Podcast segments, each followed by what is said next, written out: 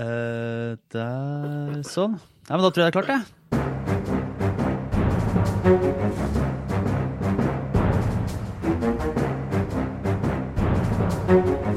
Ja, da kjører vi, da. Ja, kom igjen. Nei, men Så fint. Da er vi i gang med denne ukens Aftenpodden. Eh, det er torsdag ettermiddag når vi sitter her og spiller inn fra å være hjemmekontor. Eh, godt etablert nå. Der er du på plass. Trine Eilertsen, du sitter på ditt lille hjørne av byen. Hvordan går det? Jo, det går eh, sånn som det har gått. De sånn, siste ukene. ja. Er det moderat sånn, optimisme fra ja, Eilertsen her. Flat, flat stemning. Ja da. Nei da, vi sitter nå her. Ja, ikke sant. Og Kjetil Astheim, du eh, sitter hos deg. Er du, i, eh, er du liksom i solskinnshumør, eller hvordan ligger det an?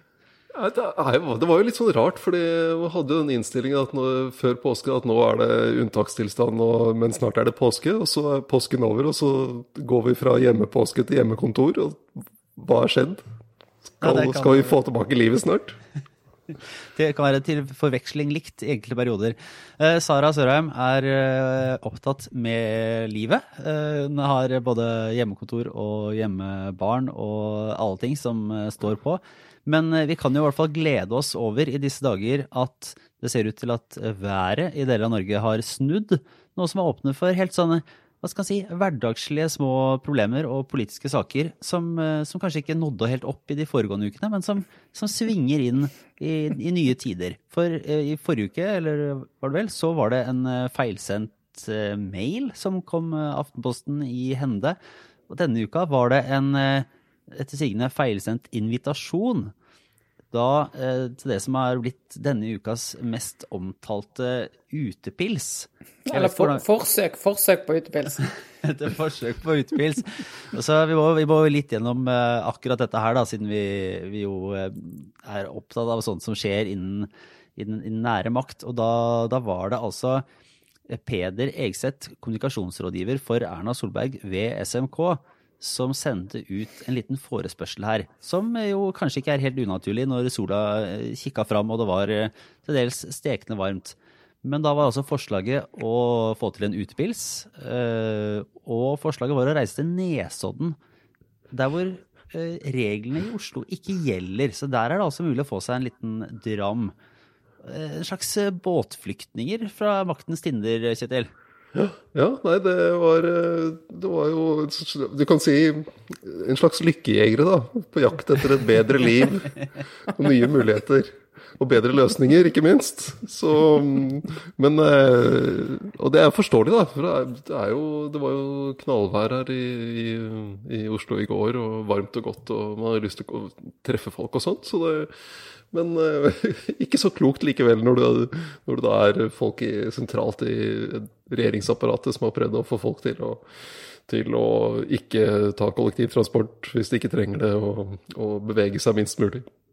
Og ikke samles mer enn fem personer og Ja, nei, masse greier som plutselig ble stort. Ja. Smått blir stort. Ja. Og vi, vi, vil, vi står, altså Aftenposten har jo laget denne saken, eh, men vi, hvor skal vi plassere det i Altså, Er dette snakk om en, eh, en måte, alvorlig eh, brudd på noe? Er det, hvor, hvor, er det vi legger uh, lista her? Er det, er det, så farlig? Altså, det, er ikke førstesideoppslag i en papiravis, det er det jo ikke. sant? Men det er jo det er litt sånn en, en finfin fin sak å ha, for det viser uh, litt, litt, liv og lære, vet du. Du skal selge et budskap til en befolkning som prøver så godt de kan å følge disse reglene, i hvert fall med noen strålende unntak som vi kommer tilbake til. Um, og så skal du da, når du er fri fra den jobben, så skal du gjøre noe, noe helt annet enn det. Det er klart det tar seg ikke ut. Jeg tror det viser litt uh, det, det, som blir vanskelig for oss alle sammen nå i den overgangen, når man skal måtte, ta noen forsiktige skritt tilbake til, uh, til et normalt liv. At, altså hvor, hva betyr det egentlig? Hvor mye skal vi holde igjen? Hva, hva kan vi gjøre? Eh, og når da det blir fristende å komme seg ut i, i vårsola og ut i parker og ut på, ut på utepils, så kan det bli, bli lett å, å, å, la seg friste til å gjøre ting som ja, kan være greit, eller ting som kan være problematisk. Så jeg tror det, illustrerer litt sånn tror, Det var veldig greit når alt skulle bare eh, stenges ned. Så var det et veldig tydelig budskap. Nå skal man vi skal åpne litt med barnehager, og vi skal åpne litt med skoler, og vi skal få lov til å klippe hår igjen snart. Så det, det blir et mye mer sånn komplisert budskap da, for myndighetene å formidle til folk. Ja, jeg tror, altså, Bent Høie sa jo her i inngangen i påskeuken at nå har vi, vi har viruset under kontroll. Det tror jeg mm. Alle blir jo veldig lettet over å høre det. Uh, og så i neste setning så er det 'men vi skal fremdeles'. Uh, og da tror jeg en del nok hørte det første bedre enn det siste og tenkte at åh, oh, endelig, nå letter det litt. Mm. Uh, så det, det, er jo ikke rart at vi, at vi får en del sånne situasjoner nå. Men er det si, Hvordan ble det egentlig nå? Er det fortsatt forbudt med pils i parken, er det sånn? Eller er det nå For det er jo hvis, hvis man skal tenke hva er det som eh, vil være Er det noen reelle lovlige alternativer som smittefaglig kan aksepteres, hvis man vil ut da, og, og ta seg en, en, en utepils eller en, en, leskedrikk eller hva det måtte være. Men eh, hvordan, er, hvordan, ble det egentlig med disse lovene? Ja, må du ikke egentlig opp i hagen da, Kjetil? Er det ikke lov å drikke i parken, er det det? Nei, men da jeg gikk gjennom parken her i går, så så det definitivt ut som det var lovlig. jeg mener jeg hørte at politiet i Bergen de hadde vist, skulle visst ha sagt at nei, det kommer vi til å slå ned hardt på. Så det, det, det er jo det er også si, store og viktige og små og, og viktige ting som skal håndteres i disse tider. Men det må vel være Kanskje det er et sånn folkelig nå opprør i enda større grad mot den, disse reglene, egentlig. I hvert fall i et sånn fordelingsperspektiv så er det jo veldig urettferdig hvis bare de som nå har hager, skal kunne møte venner i lange, lange tider og ta seg en forsiktig liten eh, bayer på en fredag med mye sol. Eller ja. balkongbaronene som sitter der og koser seg. ja. ja. Balkong, der er det jo per definisjon bare plass til to, vil jeg tenke. ja, sånn sett. Og kanskje litt for trangt også for, for folk som er utenfor husstanden. Men, men det får nå være. De, det var nå for oss som tillater oss å hva skal jeg si, godte oss litt og, og å peke litt på liv og lære-spørsmål, så var jo det en, en, festlig sak, i alle fall. En annen sak som kom eh, denne uka, som viste om en viss sånn eh, ringakt for, for, reglene, eller i hvert fall det er kanskje den store dugnaden, som det oppfattes av mange, var jo da disse mer enn 2000 nordmennene som reiste til Sverige på svenskehandel i påsken. Da tenker jeg, da har du fulgt bra med.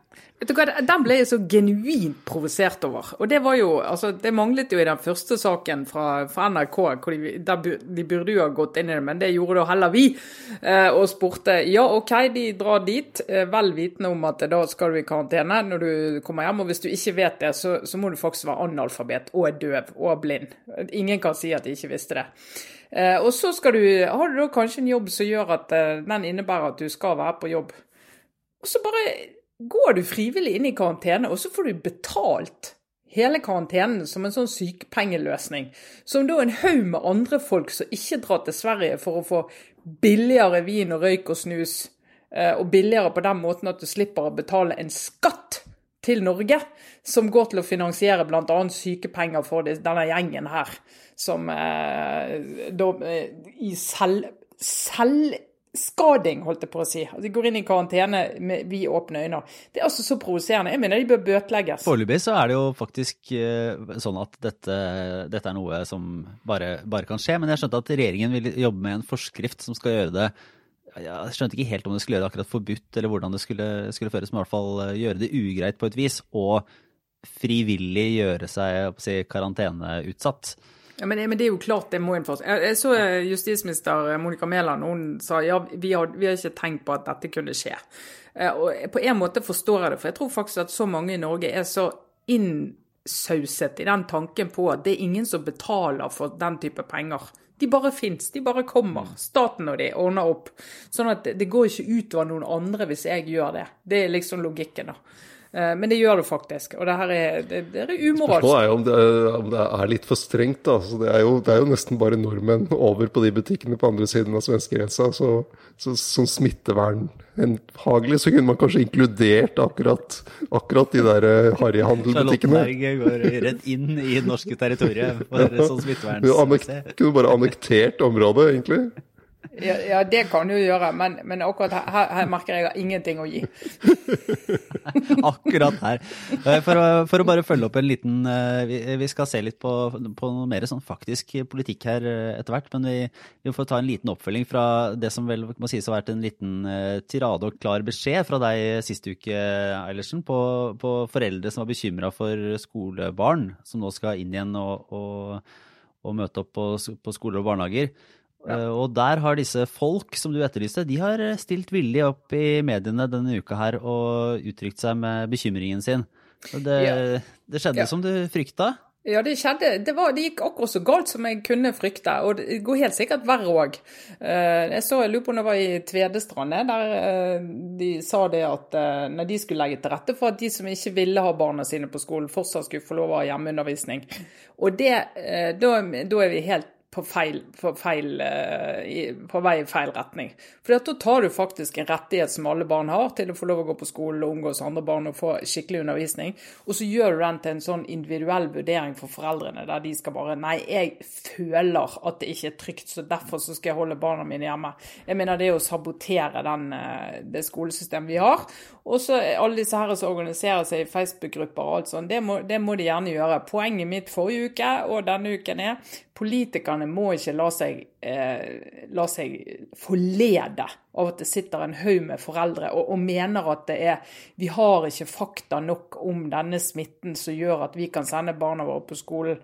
Eh, og altså sier at vi kan ikke stole på de faglige rådene fra helse Direktoratet og Folkehelseinstituttet. Hvis ikke du skal stole på dem, hva skal du stole på da? Skal vi vente liksom i ett år, to år før vi, til vi vet? Vi må, vi må liksom få i gang samfunnet igjen. Jeg trenger ikke argumentere for grunnene til det. Men jeg snakket med en i går som litt sånn spisst påpekte. Eh, lurer på om alle disse foreldrene som er så bekymret for eh, for skolebarna og barn i barnehage, der vi faktisk i veldig liten grad ser at det smitter eh, mellom eh, folk, eh, har hentet sine eldre ut av sykehjem. Eh, mm. For der er det jo faktisk smitte. Der har jo faktisk folk dødd. Eh, er de også nede og henter bestemor og flytter hun hjem og passer ordentlig på hun hjemme, eller er det greit? Og det, mm. Akkurat den uroen har ikke jeg sett at noen av disse har flagget, og det syns jeg er rart når de sier at vi, vi, vi er så bekymret og vi stoler ikke på, på, rådene. Hva skal jeg si, Er det et paradoks da at uh, disse som da uttrykker dette, og liksom de bevegelsene blir eh, løfta fram på den måten altså Løfta fram er et begrep som jeg absolutt ikke liker uh, i, i, sånn mediedebatt, men, men likevel da, som, som, får plass i, i, aviser som Aftenposten og, og, andre for å komme med disse innsigelsene og på en måte, hvis du vil, fyre opp under den uh, tanken om at dette ikke er trygt? Nei, de, de, er jo nødt til å få komme til orde, selvsagt må de det. Eh, vi hadde jo førstesideoppslag i dag om det. Det har vi, det har vi for øvrig fått eh, kritikk for. Eh, fordi at da, da, tolkes vi som at vi legitimerer det synspunktet veldig. Men jeg mener at du må ta frem de stemmene, du må utfordre de, stille de ordentlige spørsmål. Men så må vi være utrolig nøye med balansen. Det er klart, Vi kan ikke holde på nå å drive journalistikk på denne gruppen med foreldre som om de er representative for alle foreldre. For det store flertallet av foreldre er ikke der. Også De er glad for at skolen åpner, det samme ungene. De er kjempeglade for at ungene skal få lov å gå i barnehage igjen. De må vi fortelle om, eh, for det er det store flertallet. Og ikke skape inntrykk av at norske foreldre er redd for å sende ungene på skole og ikke stoler på Folkehelseinstituttet, for det er ikke riktig. Mm. Det er jo ganske mange som bruker veldig følelsesladet og veldig sterke ord i, i, den debatten akkurat nå, sånn som foreldre som er, snakker om at barna blir brukt som prøvekaniner osv. Det, det går ikke an. Eh, det går ikke an. Og, og også, det var en pressekonferanse der, en av disse pressekonferansene denne uka, Dagbladets reporter som refererte at de hadde fått henvendelser fra barnehageansatte som følte at de ble sendt nå først i krigen mot koronaviruset. Uh, nei, det blir de ikke. Hvis det er noen som er først i krigen mot koronaviruset, så er det jo helsepersonell. altså Sykepleiere, intensivsykepleiere, leger, andre som er på sykehusene. De er, hvis du skal bruke den type krigsretorikk, så er det de som er først i den krigen. Og det er, ja, det er, og man må ta, ta et skritt tilbake her og, og, se litt på hva er det vi, vi må bygge på hva, hva, er det beste vi har av kunnskap om dette, og også se at det har noen konsekvenser for samfunnet og for barn at de ikke får gå i barnehage og skole. Og det er, det er også viktig. Hvis vi fortsetter i det som har vært en, eh, hva skal jeg si, en, en, en helt koronafri politisk debatt, mer eller mindre, denne uka. Ja, det kommer egentlig to nå på, på rekke og rad, så for de som har fått seg en liten sånn koronaslitsomhet, de, de, kan få leve litt inn i den vanlige politiske debatten her nå. Men det er jo ikke akkurat noe nytt tema som sådan. Men det dreier seg om disse altså flyktningbarn som, som ønskes hentet hjem fra bl.a. denne Moria-leiren Eh, som er på Lesbos. Eh, og det har vært et opprop denne uka med var det 19 eh, tidligere statsråder, inkludert tidligere statsminister Kjell Magne Bondevik, om ikke jeg tar feil, som har gått inn for da, at regjeringen skal ta imot enslige mindreårige flyktninger. Sånn som nå bl.a. Tyskland og Luxembourg har gjort. Jeg tror Luxembourg har vel tatt imot en 12-13-14 et eller annet sånt, og, og Tyskland tatt imot ca. 50. Og her får de jo støtte fra litt sånn ulike deler av det politiske spekteret, bl.a. da regjeringspartiene Venstre og KrF. Mens eh, Høyre og Arbeiderpartiet sier nei. Er dette Det gjør jo naturligvis også Fremskrittspartiet da, i en, en sånn sak. til det første. Er det, hvor vrien er denne politiske tvisten mellom regjeringspartiene, Kjetil?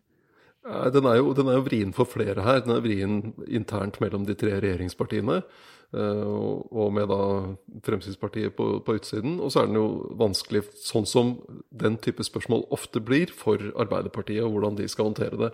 Det er, eh, det er eh, det, De signalene som har vært det nå, er jo at Støre ikke vil vil gå, gå, den veien som uh, en del tidligere statsråder og sånt nå vil at, at, han skal gjøre. Men hvis da Arbeiderpartiet skulle flytte seg, så er, det jo, ikke, så er det jo fortsatt et problem for regjeringspartiene. Du har jo ikke noe avklart flertall her. Så lenge Venstre og KrF er bundet opp i et regjeringssamarbeid med Høyre, og, og de tre partiene har et flertall med Fremskrittspartiet, så, så, hva som da skal skje på Stortinget, og hvordan det vil utspille seg hvis Arbeiderpartiet flytter seg, det er jo fortsatt, uh, fortsatt åpent her. Ja, for jeg skulle si Det virker jo litt som en, en sånn sak der KrF og Venstre følger litt sånn eh, planen til Fremskrittspartiet da, fra da de satt i regjering, med å, med å markere primærstandpunkter og komme som tydelig fram med det de mener er riktig, og, eh, og løfte det selv om de kanskje ikke vil få gjennomslag. Men spørsmålet er om man da måtte, er, det, er det noe man vinner på i en sånn sak hvis ikke man kommer noen vei, eller er det bare, bare synlig at man nettopp ikke får gjennomslag, og at regjeringen faktisk at de ender opp med å tape, da. Uh, og er det noen som helst sjanse for at de kan få vinne fram her? Ja, altså det kan det jo være. I og med at det er en mindretallsregjering, så kan jo det skje. Uh, og Det er til og med folk, det er også folk i Høyre som har argumentert, ikke sentralt i Høyre riktignok, men uh, folk litt ute i randsonen. men så er det jo Altså, det er jo en sånn sak som jeg tror politikerne merker at engasjementet er veldig, veldig sterkt hos en del, en uh, ganske liten gruppe, men at de akkurat nå kan komme unna med å og ikke gå så veldig inn i det, rett og slett pga. hele den koronasituasjonen som vi er i. da. Men det er jo Arbeiderpartiet som blir presset hardest her. Og dette er jo en type sånn sak som er altså det, det, er like vondt hver gang når de gamle Arbeiderparti-statsrådene stiller opp og, og, utfordrer partiledelsen i akkurat disse sakene. Og partiledelsen sier ja, men vi, vi følger eh, høykommissærens eh, anbefalinger og, og, kvoter og skal jobbe med det. Og, og så skal de si nei, vi må gjøre mer, og så blir de stående. Egentlig konflikten i Arbeiderpartiet, da, som er, er reelt vond eh, for partiet. Men det er ikke noe faktisk mulighet for at Venstre og KrF Altså, det, det, det, går vel ikke parlamentarisk å få et flertall for dette på tvers av Høyre i regjering? Sånn, altså, da vil det vil jo være å felle regjeringen, vil det ikke det? Det kommer an på hva, de, hva, de, hva, Høyre aksepterer at, eh, at, Venstre og KrF gjør på Stortinget. Men, eh, det, men dette vil jo ha, det vil jo ha eh, det, det, at de tre partiene ikke skal stå sammen om flyktningpolitikken, vil jo gjøre det komplisere hele det samarbeidet. Og dette har jo en kostnadsside også, så jeg tror de vil eh, jobbe ganske hardt for å, å, å, stå sammen. Men du ser særlig i Kristelig Folkeparti at dette bygger seg opp som et ganske tungt press mot uh, Kjell Ingolf Ropstad. Uh, og da, da, havner du også rett tilbake til den uh, konflikten som var rundt uh, sidevalget, der, du, der dette blir Du ser ganske mange aktive fra den tidligere såkalte røde siden da, i partiet, som, som, bruker det litt som, ser ut som, en test på hva Ropstad og KrF faktisk kan få til i regjering. Men det andre spørsmålet, en ting er jo det rent sånn politiske og posisjoneringa i Norge, men på, på, på, i selve saken, er det, her er det jo foreløpig snakk om løftes fram et tall på sånn et sted mellom Luxembourg og, og, Tyskland, da, altså et sted mellom, uh, si, mellom 15 og, og 50. Er, er, er, det, er, det, veldig vanskelig for Norge å faktisk bare si at ja, men det kan vi klare? Det, det er vel ikke de største økonomiske utfordringene en kan stå overfor. Og, og kanskje et lite, ikke så veldig krevende menneskelig bidrag heller? Ja, det er jo litt i debatten om hvordan, hvordan skal vi bruke ressursene på, i flyktningpolitikken. Skal vi det Skal vi hente folk gjennom FN-systemet med kvoteflyktninger, og, og, ellers bruke ressurser på å hjelpe i nærområdene og sånt? Eh, eller skal du, skal du få stadig sånne eh, akuttsituasjoner der du eh, sluser inn folk på en, på en, en annen, gjennom en annen vei? Eh, og, det, og så er jo noe av problemet i den debatten her at den blir du får eh, noen eh, Det blir veldig sånne ytterpunkter der, der det, det, det, Problemstillingen er jo det er, det er, jo masse dilemmaer oppi dette her. Det er klart det er en utrolig vanskelig situasjon i, i, i Moria-leiren. Og så har jo de som sier at ja, men det er det mange andre steder, de har også rett til det. Og så har Norge har et visst ansvar i og med at vi har en Eh, til dels en felles flyktningpolitikk med EU og den avtalen med Tyrkia som, eh, som Norge støtter. Eh, Hellas trenger, trenger, hjelp med å takle situasjonen. Når Høyre viser til at Norge vil være med hvis det er en bred europeisk enighet, så er det klart når 10-12 europeiske land Eh, går sammen om å gjøre noe, så er jo det en ganske bred enighet. Skal, da, skal Norge da vente på Viktor Urban i Ungarn og Polen, liksom? Så det er, det er klart, det er, det er, jo noen reelle problemstillinger her, og det, som forenkles da på, på, begge sider i den debatten. Men så, så er det klart at altså, Hvis du nå plutselig skal få en sånn koronabølge som sveiper over den leiren der, så blir det jo satt utrolig på spissen. Fordi at da er det en haug med folk som er innestengt der. Uh, det, altså, du kan se for deg da at du plutselig har en haug med barn som hadde foreldre og ikke har det mer. Og, altså, det kan bli et drama som gjør at du presses til å ta en, en beslutning mye raskere. fordi at altså, Her skjer det jo ting dag for dag. Det er jo ikke sånn at de kan si vi snakkes om dette i august, mm. selv om ikke folk flest er så veldig engasjert i det, og det er ikke toppsak på Dagsrevyen, liksom. Så er det jo sånn realiteten i det er jo at det er en helt akutt situasjon i den leiren. Kommer det til å bli en politisk løsning på dette kjapt, eller er det av de sakene som kommer til å gli over og, og forsvinne igjen i løpet av et par uker, når, når en ny, korona, ny koronadebatt dukker opp? Akkurat, akkurat, nå så bygger jo det presset seg opp, både i Arbeiderpartiet og Kristelig Folkeparti. Så vi ser hva, hvilke, om de finner en vei ut av det. En, en eller annen løs, noe som oppfattes som en en mulig løsning, eller om det kommer andre saker som gjør at det kommer mer i, i bakgrunnen igjen. Vi får se. Jeg tror vi får fortsette til noe som vil sies å være en, en, en klassiker, men eh, den, det er en form for reformhjørn, Trine. Men her har du fått litt sånn unnsetning av eh, din, eh, din politiske redaktør, etterfølger Kjetil, som har gått dypt inn i hva skal jeg si, har, Er konklusjonene lagt fram, eller er det ikke? Eh, Nei, valg, hva heter det? Valglovutvalget. Ja. Valg, ja. Nei da, det skal komme 27. mai var egentlig planen, men de har fått utsatt til en eller annen gang i juni. Eh, men eh, noe, altså, vi har jo hatt denne regionreformen og redusert antall fylker fra 19 til 11. Og så er et av spørsmålene som da valglovutvalget ser på, er skal da også valgdistriktene til stortingsvalget følge Eh, regionreformen, sånn at vi går fra 19 til 11 eh, valgdistrikter. Og eh, da har vi en sak ute om at et flertall vil beholde 19 valgdistrikter, selv om vi går fra, går til, har gått til 11 fylker. Og det, da, da, gjør, da, får du jo da får du jo på en måte fire nivåer. Eh, vi har jo hatt tre, kommune, fylker og staten. Og så får du da kommuner, og så et sted mellom kommuner og fylker. Så får du valgdistrikter, og så får du fylker, og så får du staten. Men altså, noe av det mest fascinerende og rare her er jo at ifølge denne rapporten på foreløpig, som saken vi har, så har jo Høyres representanter inn i et utvalget, som for øvrig består av, av representanter fra alle de, de politiske partiene som er representert på Stortinget. Høyres folk skal jo da ha gått inn for å beholde dagens valgkretser som er fylker, på en måte i strid med deres egen regjerings innføring av regioner. Det er, det er, så mye rart, det greiene her. Ja, og det er jo, Problemet er at du har en halvtygd regionreform som ingen egentlig forsvarer. Uh, og det og, Venstre, vet, Venstre forsvarer ja, den, Når, når, de, når de tvinges frem og, og, man vet ikke om noe av dette blir reversert etter valget neste år. Om Viken da blir oppløst igjen, om det skjer noe med Troms og Finnmark. så er det, det Hva skal man da gjøre med, med disse valgdistriktene? Så det, eh, men det er jo litt altså når, når, man da har en diskusjon etter valglovutvalget om kanskje Viken er litt for stor for, som valgdistrikt for Stortinget, så er jo spørsmålet kanskje Viken er litt for stor, rett og slett.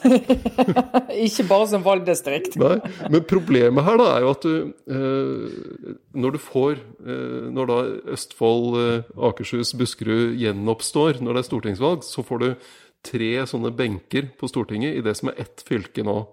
Og da, jo, da blir det jo en sånn institusjonalisert fraksjonisme der du har en, en sånn Østfold-gjeng som kjemper for lokalisering og veier til Østfold, gamle Østfold, og en Akershus-gjeng som kjemper for sine interesser, og en Buskerud-gjeng som kjemper for sitt. Det vil i hvert fall ikke bidra til at Viken fungerer.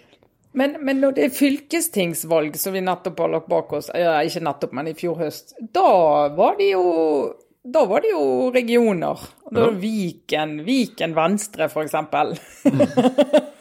Maktbasen, Sebastianen, ja. Viken Ja. Men, men, men, da har du altså Da har du den inndelingen, og de skal da ha kontakt med ikke Viken-benken på Stortinget, men Tre benker. Nettopp. Ja. nettopp. Ja, dette er jo så lysende logisk som ja. kan få blitt. Så, men det, det, ja, det, viser jo litt av problemet med altså, det, det, kompromisset som regionreformen var, og at man dytter igjennom noe som, som ikke var bredt forankret på Stortinget, og som det, blir da masse usikkerhet om overlever dette eller ikke. Ja, nei, altså jeg sier det, Kommunereformen skal jeg forsvare helt til jeg eh, ligger under torven, og der burde jeg gått mye lenger. Men regionreformen, not so much. og så er Problemet oppi dette er at dette, det er, dette er grunnlovsfestet. Det står i grunn, Grunnloven at vi har 19 valgdistrikter. Sånn at øh, du, når du skal inn og skru opp og ned på disse antall fylkene, så må man opp, inn og ut i, i Grunnloven også uh, for å justere. Så det det er jo et par stortingsperioder og flertall og litt sånt der ja, som det tar tid. Ja, det tar tid. Uff a meg. Ja. Men hvis du bare skal få nerde et øyeblikk til, eh, hvis jeg forstår deg riktig. Hvis man brukte Viken som et, et stort valgdistrikt, mm. ville vært, hvordan ville man opprettholdt en sånn geografisk representasjon? Ville det vært opp til hvert enkelt parti, eller kunne i teorien å si, Drammen Arbeiderparti eh, kuppa hele Vik? Altså Viken på et vis. At, at, at man liksom eh, fikk eh, bare skvisa noen av delene av det, de gamle fylkene helt ut. Det ville jo vært uh, i da fylkespartienes nominasjonsmøter at du fikk, måtte ta den Eh, prøve å lage en sammensetning som, som gjorde at du fikk representasjon fra, fra hele, hele, fylket. Jeg kan jo forstå at en, særlig noen av de mindre partiene ikke har veldig lyst på en sånn ekstra fight. og så skulle drive og få, Du har liksom eh, få nok muligheter til å få plasser i utgangspunktet hvis du må drive og spisse den lista Eh, lista såpass. Mm. Ja, Men, eh, nei, men da, da, da, har vi, da vi litt mer oppdatert på valglovsutvalgets uh, flertallsinnstilling. Ja, vi, vi, kommer til å følge det minutt for minutt, Lars. ja, ja. Nei, men da tror jeg vi går inn i en, en liten runde med obligatorisk refleksjon. Og jeg kan vel kanskje begynne helt kjapt Eh, selv men en, eh, en, det må jeg si som en liten oppløftende tekst som jeg kan anbefale fra, fra det amerikanske magasinet The Atlantic, som skrev nå nylig en eh, sak om hvordan Altså hvordan raringer er et på en måte en nødvendig bidrag til kreativitet. Og, og også litt sånne folk som blir, er, er for seg sjøl eller litt sånn utstøtt av gruppen. Og jeg tenkte på det særlig nå i disse de hjemmekontortider, der hvor jeg mistenker at folk blir rarere og rarere. For det er jo en viss sånn sosial eh, Åpenbart eh, ordning når man kommer inn på en arbeidsplass, så folk får liksom får menga seg litt med folk og, og, bli litt rundere i kantene. Nå ser jeg for meg at vi kommer tilbake fra hjemmekontoret alle sammen og har, har blitt utrolig godt vant til vårt eget selskap og våre egne geniale tanker. Uh, men da kan jeg i hvert fall si at det har vært gjort forskning som viser at de som kanskje er litt rare og kanskje har vært litt utstøtt eller utafor en sosial gruppe, er flinkere til å tenke alternative løsninger uh, og er mindre tilbøyelige til å følge gruppepress. Så man ser at når man skal løse abstrakte ting eller tenke på måter å komme seg, altså å utvikle noe videre på, så er det en fordel å ha med folk som, ja, som er litt annerledes og er litt eh, det som kunne si litt rare, da, og kanskje også har opplevd en form for sånn sosial avvisning og har måttet eh, ikke, ikke trenger å forholde seg til den absolutte sånn gruppetenkningen. da. Så det, det viser seg å ha vært tilfellet for veldig mange sånn større tenkere.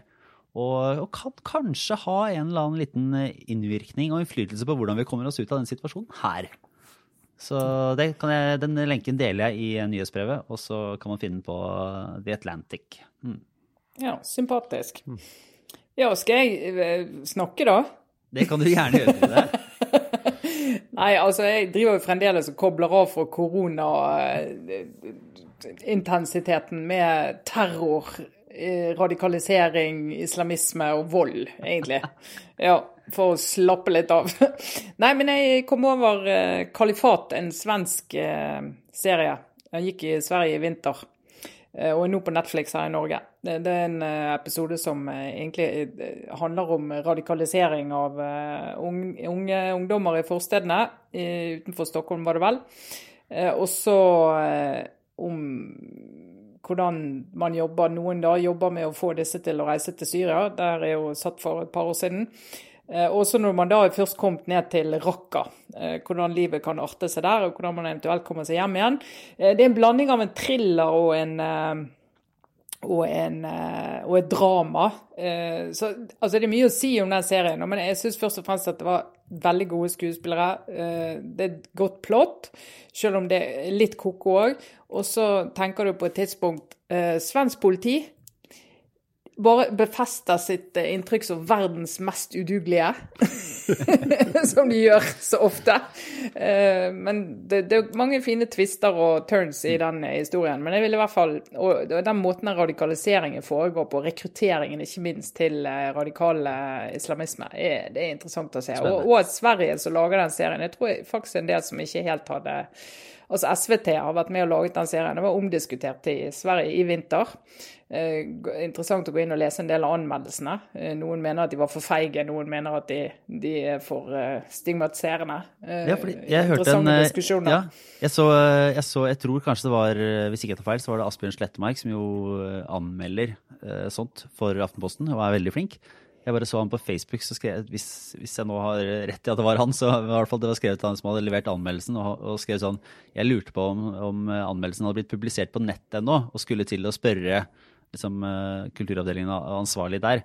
Men da hadde allerede kommet inn en e-post i innboksen fra en eller annen da som mente at dette var nok et sånn eh, et slags kultursvik, og hvordan, eh, på, viste hvordan svenskene måtte, tok på seg all verdens skyld og gikk inn og, og var en sånn apologeter for, for terrorister. Så det, det, høres ut som den, den, fanger jo Det er jo et brennbart uh, område, men syns du at den tar en sånn politisk stilling til det? Nei, altså, det, det, er mange problemstillinger han tar opp i denne. her. En er jo hvordan en eh, tilsynelatende godt integrert eh, mann eh, som egentlig jobber med å, mot radikalisering på skolene, under radaren jobber for radikalisering. Sånn at er, altså det er ikke mye politisk korrekt i det, hele hans person. Og så er det jo men det er klart, du får jo sympati med særlig et par av de som da sitter i rakka og angrer på at de havnet der. Eh, og du tenker i all verden, eh, hva skjedde?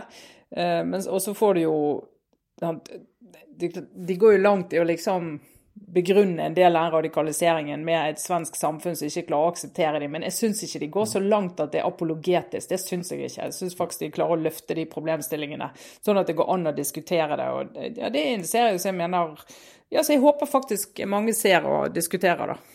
Hmm.